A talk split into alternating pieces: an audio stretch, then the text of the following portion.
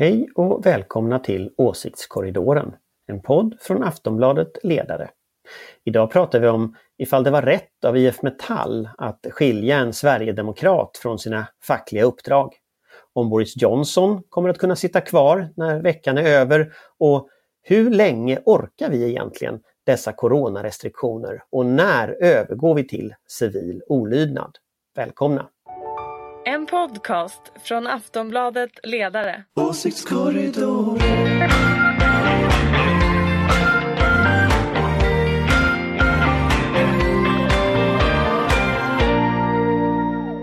Hej och välkomna till Åsiktskorridoren. Podden från Aftonbladets ledarredaktion som är din vägvisare i den politiska vildmarken.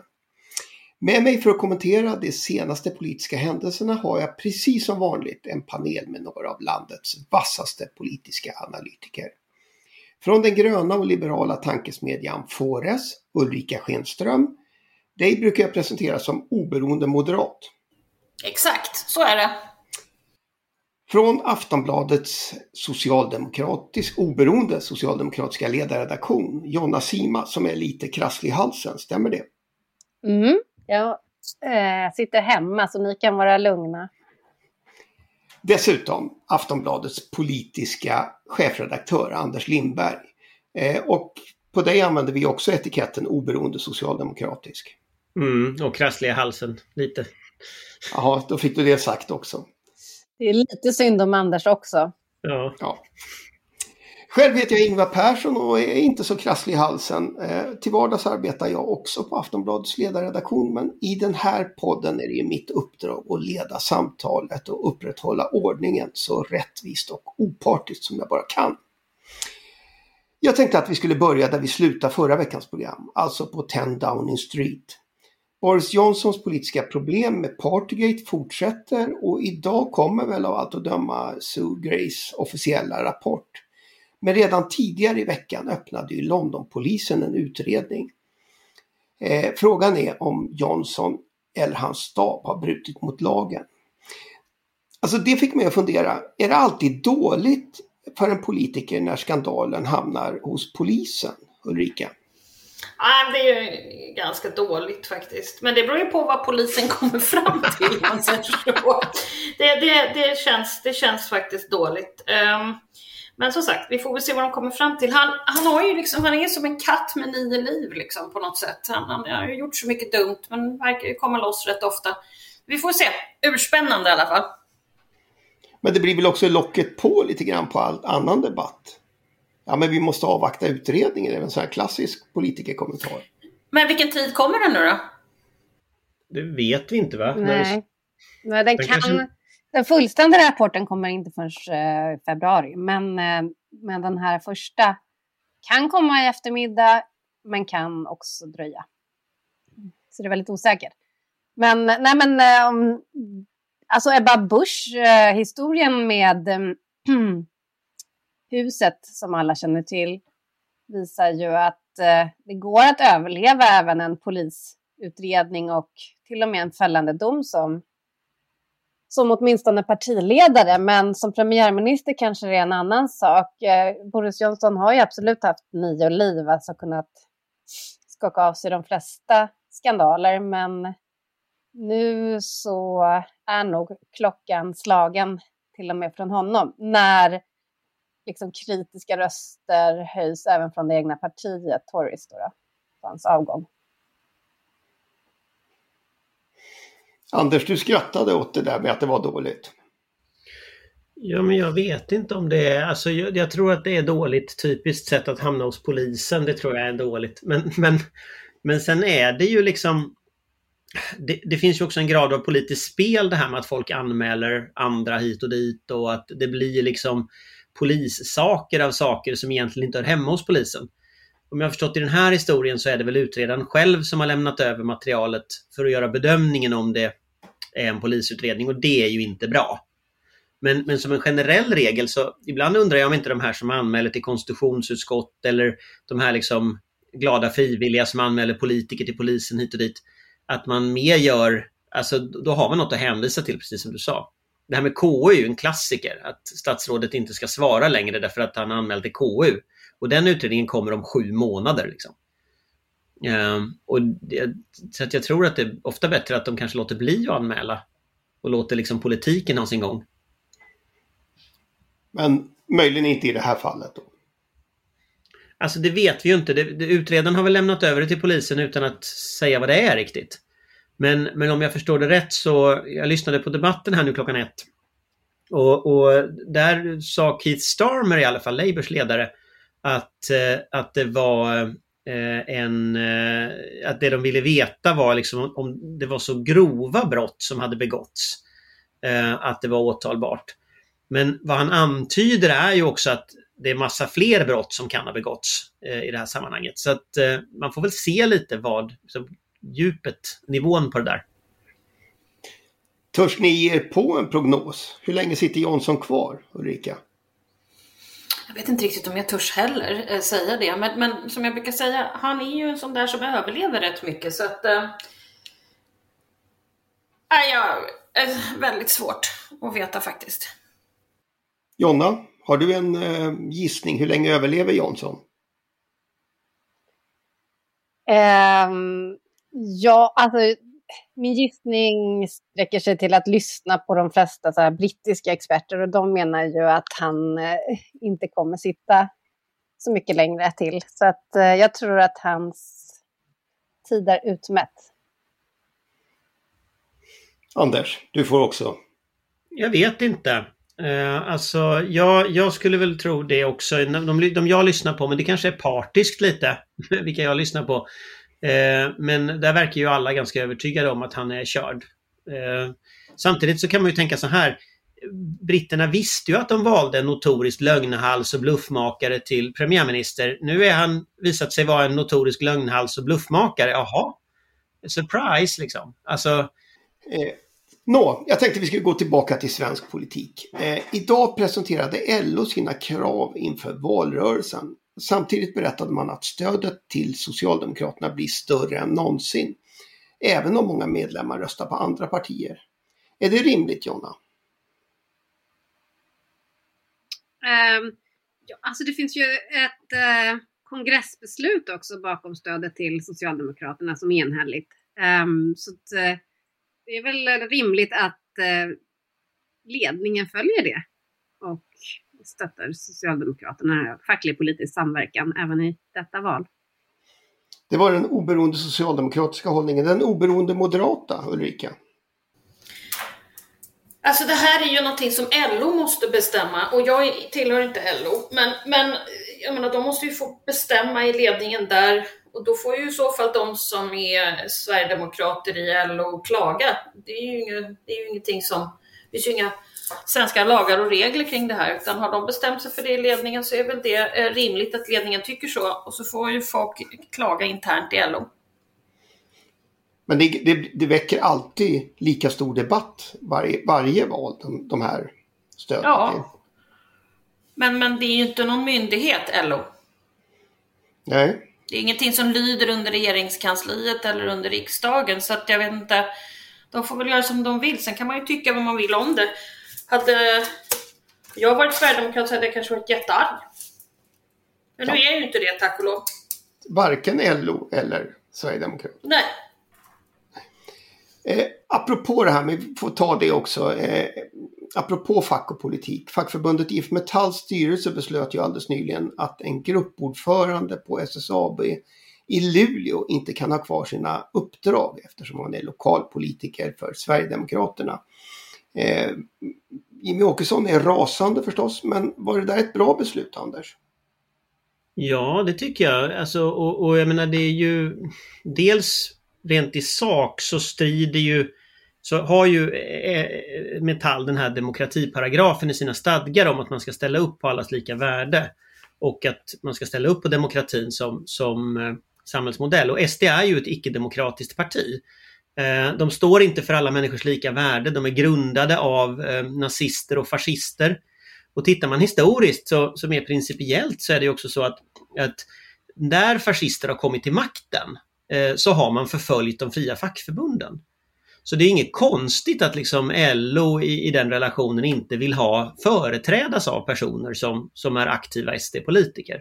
Sen rent liksom formellt så, så tror jag väl kanske att han inte borde blivit vald från början. Jag tittade lite på Norrländska Socialdemokraten där som har rapporterat om detta och det verkar ju vara ungefär 100 personer i den här gruppen eh, som har valt honom. Så att medierapporteringen om att han liksom skulle vara ordförande på SSAB och så där, den är lite felaktig kanske. Men, men jag tänker ändå att om man är liksom politiskt aktiv i en organisation som är antifacklig, uttalat antifacklig som Sverigedemokraterna är, då bör man ju inte vara valbar för fackliga uppdrag. Det borde ju vara den rimliga liksom, hållningen, mer på ett principiellt plan, om man struntar där med stadgar och så, eh, tycker jag. Sen gör ju SD sig alltid till offerkofta eh, i sådana här lägen. Så det kommer de ju att göra. De kommer ju att skrika i högan sky. Eh, så. Jonna, hur ser du på det här? Ja, nej men eh, det är väl precis som Anders är inne på, liksom att det är, ju, det är lite märkligt kan man tycka att engagera sig så pass mycket inom IF Metall och samtidigt då vara socialdemok äh, sverigedemokratisk fritidspolitiker. Um, då vet man väl ungefär vad IF Metalls linje i de här frågorna tidigare har varit också.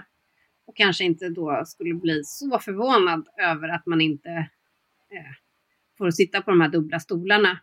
Ehm, men sen är det såklart eh, en svår fråga i och med att så pass många inom eh, LO, eh, ja, facken ändå röstar på Sverigedemokraterna. Och så det, den här diskussionen kommer såklart att fortsätta. Och kanske det förändras över tid, vad vet jag. Men det blir ju svårare och svårare kanske att hålla emot också från förbundens sida, de här reglerna. Eh, det får vi väl se. Mm. Ulrika, har du något att liksom tillägga? Eller? Nej, utan jag, ja, det här är ju upp till LO att bestämma och då får man väl eh, följa den interna grälet. Men eh, mm. det är ingenting som... Men det, det märkliga, nu är ju det här inte ett uteslutningsärende utan han får bara inte behålla den här posten som ordförande för gruppen. Eh, men ett annat LO-förbund, Transport, hade ju nyligen ett uteslutningsärende. Eh, där man väl faktiskt fick eh, fel i domstol till slut. Men jag menar varför lät han honom, honom ställa upp från början då? Den här personen i, i Luleå. Mm -hmm. Det kan ja, man ju fråga sig. Ja, det kan man fråga sig. Men det är mer än jag vet. Men rent rättsligt sett så ska man nog faktiskt från statens sida undvika att reglera vad föreningar gör internt jag, jag var ganska kritisk när den där transporthistorien kom just därför att här går staten in och definierar så att säga vad en organisation som ju faktiskt inte är statlig, fackföreningarna är ju fria. Eh, och då kan man ju tänka sig att en, en, en, en att man, man, måste, eh, man måste någonstans i ett fritt samhälle kunna ha fria civil, eh, civilsamhällesorganisationer. Eh, så staten bör ju hålla sig borta tycker jag i möjligaste mån från den typen av, av beslut. Och där, här har vi ett typexempel på när du har liksom en organisation för ett visst syfte, främja fackliga intressen till exempel eller, eller eh, jobba i Naturskyddsföreningen för, för avskaffad kärnkraft eller, eller jobba i nykterhetsrörelsen för, för att Systembolaget ska ha striktare tider. Det är klart att du kan inte tvinga från staten människor som är antifackliga att företräda facket. Eh, du kan inte tvinga kärnkraftsförespråkare att företräda Naturskyddsföreningen. Du kan inte tvinga folk som, som vill lägga ner Systembolaget att företräda nykterhetsrörelsen. Och, och det gör liksom att hela den här grejen med att ha ett fritt samhälle bygger ju på fria eh, civilrättsliga organisationer av olika slag. Liksom. Och jag tycker det finns en farlig gräns som man är inne och drar i här när man, när man fattar beslut om att facket inte har rätt att göra som de vill. Eh, det ska staten inte göra. Så jag tycker nog att det är staten som har fel när det gäller transport och transport har rätt. Eh, och det tycker jag är liksom utgångspunkten hela tiden. SD är ju inte som sagt en demokratisk organisation på det sättet. De kommer att försöka använda staten för att driva sina intressen även i civilrättsliga organisationer av olika slag. Eh, det tror jag vi ska vara säkra på. Skulle de komma till makten skulle det se mycket mer sånt.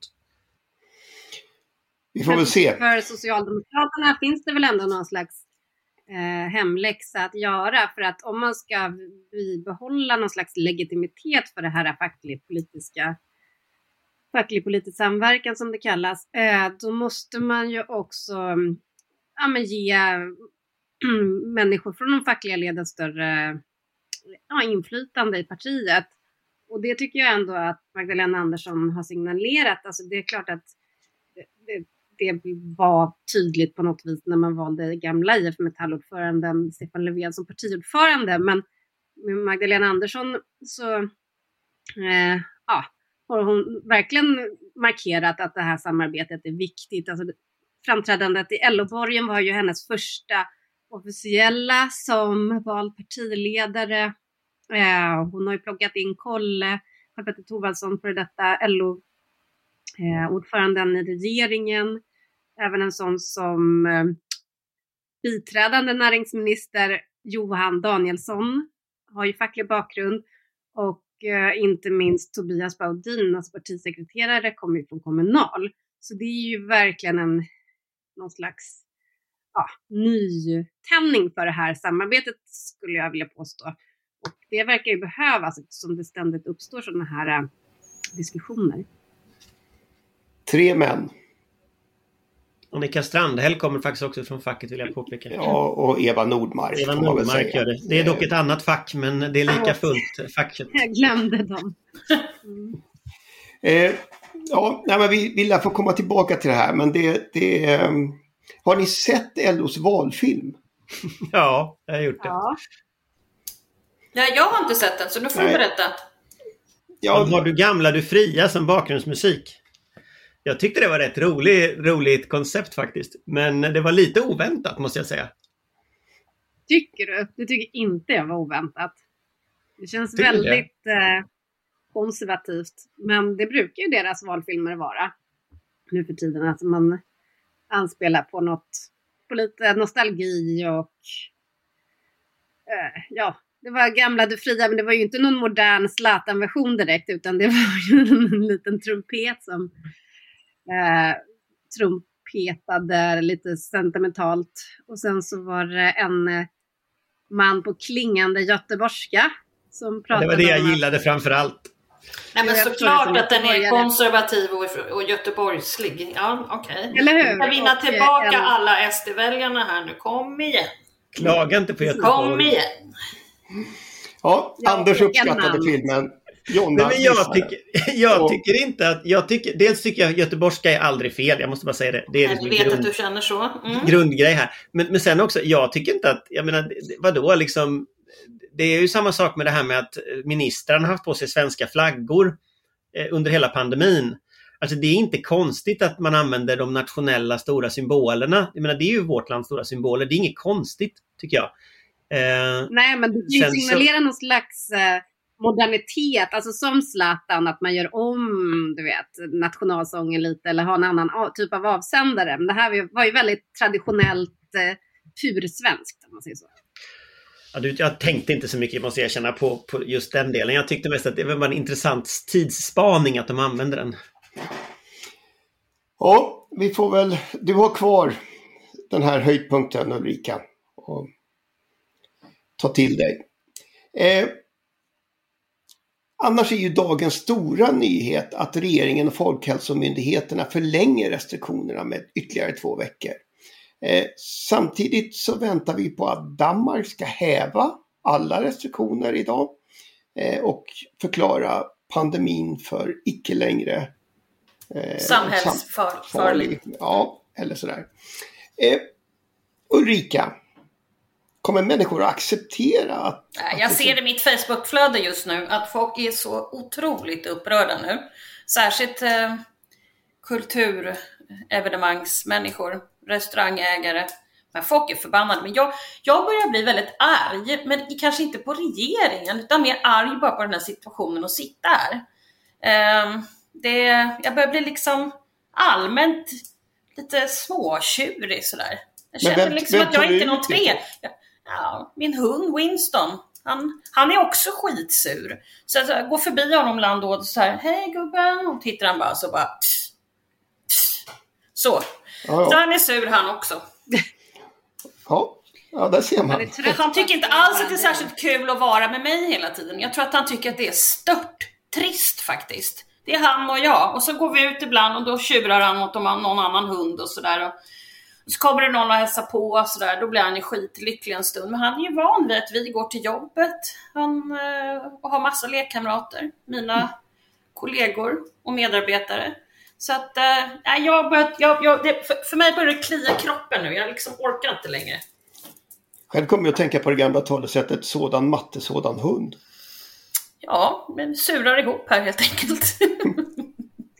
Men eftersom jag nu lever med sviterna av en eh, covid-infektion, eh, jag antar att det var det här omikron jag drabbades av i förra veckan och eh, det var inte alls någon liten snuva eh, sådär som har beskrivits utan jag blev faktiskt riktigt sjuk. Eh, så att jag förstår ju absolut de känslor som Ulrika och Winston ger uttryck för men eh, jag tror inte att eh, människor vill få det här faktiskt, för det var inget roligt.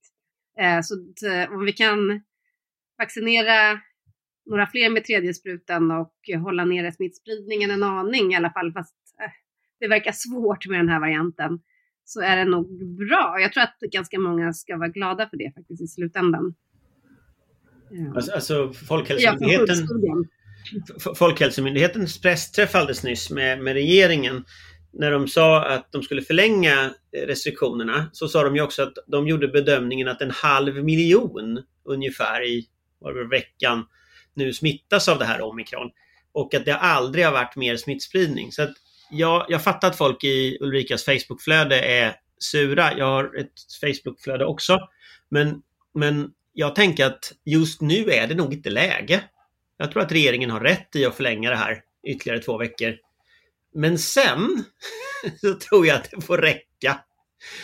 Så att vi måste nog mentalt förbereda oss på att det här tas bort i slutet av, eller ja, under, under februari i alla fall. 9 februari sa de.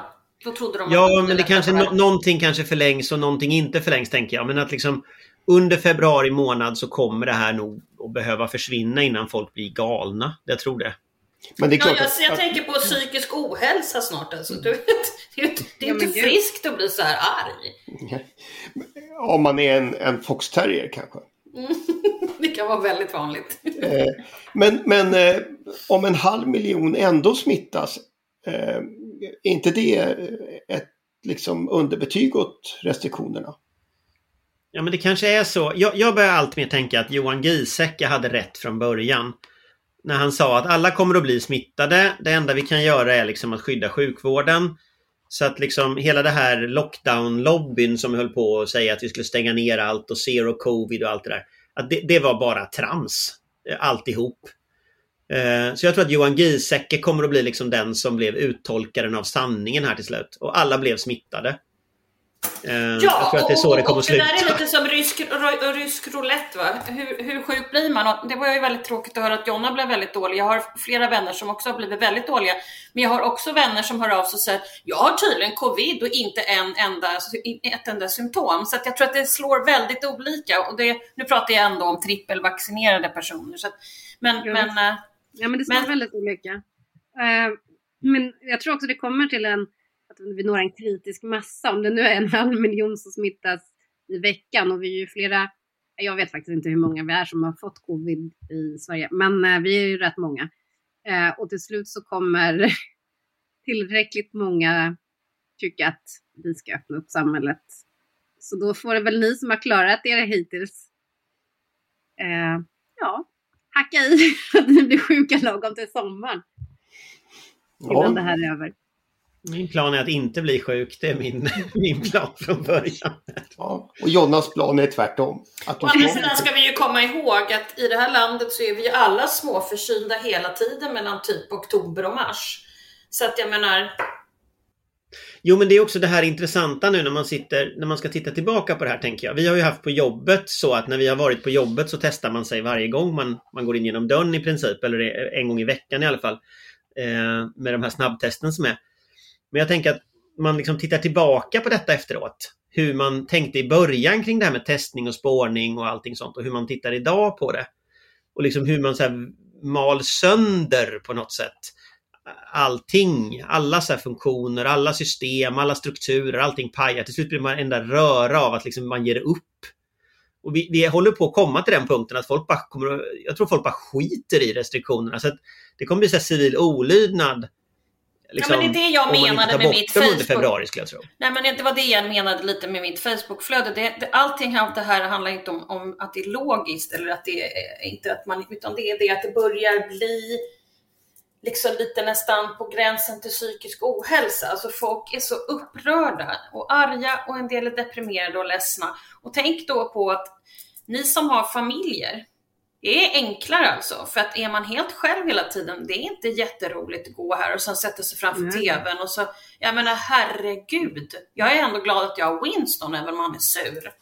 Ja men alltså, är, man behöver inte bara se de där Facebookflödena, alltså den här äh, demonstrationen som var på Sergels torg i helgen och det var ju i Göteborg på alla möjliga platser och det var ju tusentals som var ute och det var absolut en hel del äh, konspiratoriska liksom, galningar och nazister, men även andra som jag tror känner den här äh, tröttheten och ja, nu får det vara nog-känslan eh, som man till slut nog måste eh, lyssna till.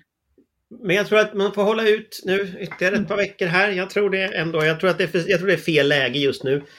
Eh, jag mm. såg att Oskarshamns sjukhus skulle öppna en ny covid-avdelning och så, eller öppna igen en covid-avdelning. Alltså det, det, det, man kommer ner på något vänster trots allt till att samhällsstrukturen måste funka. Sjukvården måste funka. Ja men det är ju självklart. Det är ju självklart. Men det betyder inte att folk inte börjar bli lite väl aggressiva. Nej, det är väldigt kluvet tycker jag. Man, eh, men ja, jag tycker nu är man så här trött på det har man nog inte varit. Nej, nej. nej. Jag kan säga att, att, så här trött som jag har blivit av covid blir man, man blir till och med tröttare när man har det här covid än vad ni blir som sitter där i isolering. Ja, men innan, innan panelen blir alldeles för trött eh, så tänkte jag att vi skulle hinna med ett mycket kort litet ämne till. Idag ska ju partiledarna nämligen träffas igen, förhoppningsvis i en smittfri miljö den här gången för att prata om det säkerhetspolitiska läget. Eh, och alla pratar ju om behovet av enighet och samarbete. Eh, men kommer partierna verkligen kunna avhålla sig från att göra partipolitik utav eh, krisen i, i omvärlden? Ulrika? Ja. Alltså jag är faktiskt ännu mer oroad över det där än för covid. Eh, det är ju liksom mer på riktigt på något sätt. Tvi, tvi, tajtre. Eh, men eh, ja, jag vet inte. De kommer säkert, det är ju valår, va? så det är klart att de kommer försöka göra det. Eh, ja, det tror jag nog. De kommer hålla på med partipolitik, definitivt. Eh, I ett sånt här allvarligt, allvarligt läge kanske inte det är helt lyckosamt, men jag tror att det är där det kommer landa. Oundvikligt men inte lyckosamt. Är det din bedömning också Jonna? Ja, nej men det är ju valår. Alltså, vi pratade ju om LOs eh, valfilm som har dragit igång här och, och eh, vi har ju ändå två tydliga block där det ena, förutom ett parti då, alltså SD, är för medlemskap i NATO. Eh, och eh, ja, i och för sig, Centern är ju också för, så att det är ju verkligen en fråga som splittrar det politiska Sverige. Så det är klart att det kommer bli partipolitik också. Um, och sen så är det väl också, alltså jag tror att den här frågan kring, eh, alltså förtroendefrågan har, har seglat upp som en ganska viktig faktor. Tidningen Fokus hade ju en eh, undersökning idag som visar liksom att, eh, ja men det var väl Fokus och Novus tillsammans som har gjort att eh, en undersökning som visar att väljarna föredrar Magdalena Andersson som statsminister framför Ulf Kristersson. Och eh, var femte SD-väljare föredrar till och med henne. Och jag tror att det var var tionde moderat dessutom. Så att eh, det, det är ju mycket, vem, ska, vem har förtroende att leda landet i en eventuell kris? Det är klart att det blir en, eh, en politisk het potatis här framöver. Anders, vi vet ju att du har pratat med alla inblandade. Nej, det har jag inte. Jag sitter här just nu så jag har inte pratat med någon. Eh, men jag, jag tror ju att jag tror ju att de kan avhålla sig tillräckligt mycket för att det inte ska vara ett problem. Lite politik tror jag inte gör så mycket. Men det som gör någonting det är ju om det är så att det ser ut som att Sverige är splittrat. Eh, för det kommer ju i så fall Ryssland och deras propagandister att utnyttja så mycket de kan. Så den bilden får man inte ge utan här måste man ge bilden av ett enat land som står bakom liksom den strategi man har. Eh, och då menar jag inte liksom hela säkerhetspolitiska strategin utan just det här att vi, vi värnar små länders intressen, vi värnar liksom den europeiska säkerhetsordningen, vi accepterar inte att Ryssland använder utpressning för att liksom få sin vilja fram över andra länder, att man liksom håller den gränsen. Och det upplever jag att det, det gör man från partiernas sida. Sen tror jag att regeringen har klantat sig lite här eh, när man inte bjöd in till det här tidigare. Man borde gjort det här från början liksom. Och så borde man hitta en ordning där man träffar partierna återkommande, informerar återkommande, bygger liksom en gemensam förståelse av att det är en gemensam kris, för det kan eskalera. Eh, och jag hoppas de tänker på det nu. Att de liksom tänker, de kanske de hittar en ordning med möten framåt så länge den här krisen pågår. Att man liksom bygger in eh, det har diskuterats till exempel att man skulle öppna anslagskrediten för Försvarsmakten, att de kan få köpa in det material som, som behövs. Man har pratat om att kalla in försvarsberedningen igen, alltså alla riksdagens partier inför vårbudgeten. Eh, man har diskuterat att sätta nya mål för försvarsekonomin. Till exempel att man säger uttalat 2% av BNP ska gå till försvar. Jag tror det är snarare sådana saker man ska titta på. NATO-frågan, den ligger så långt bort så jag tror att det är liksom waste of syre att hålla på med den. Jag tycker man ska lägga ner den. Uh, och så ska man istället fokusera på det här här och nu. Liksom. För krisen är här och nu. Den är inte om så här, tre år efter tre års NATO-debatt och ytterligare en utredning och så. Uh, så, så. Så tänker jag. Sen tänker jag också att en annan grej som är lite spännande med det här det är ju att, att uh, eh, tittar man på, på Finland och liksom Estland och andra med de uttalanden de gör så känns det ju som att Norden och Baltikum och sådär, vi går väldigt mycket takt just nu. Och det tror jag alla partier ska ha liksom ett intresse av att liksom hålla det. Att vi fortsätter gå i takt. Så man inte sänder massa konstiga signaler hit och dit. Eh, så det hoppas jag blir resultatet. Så ett snart nytt möte och sen liksom hålla linjen. Ja, ja vi får väl hoppas, vi får väl se hur det går. Det där är allt vi hinner med. Det har varit lite tekniskt strul men eh, vi, det, det, vi har ändå tagit oss igenom programmet. Vi har inte hunnit prata om atomsoporna som det väl kommer ett beslut om imorgon. Inte om Miljöpartiet som är arga för att regeringen inte lägger fram deras förslag.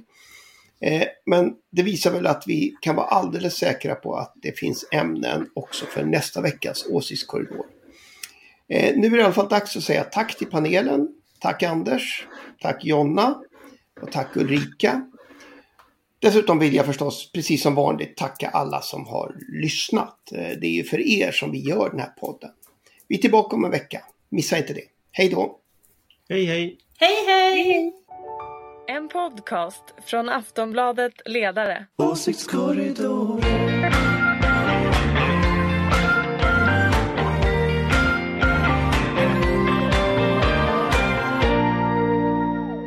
Du har lyssnat på en podcast från Aftonbladet. Ansvarig utgivare är Lena K Samuelsson.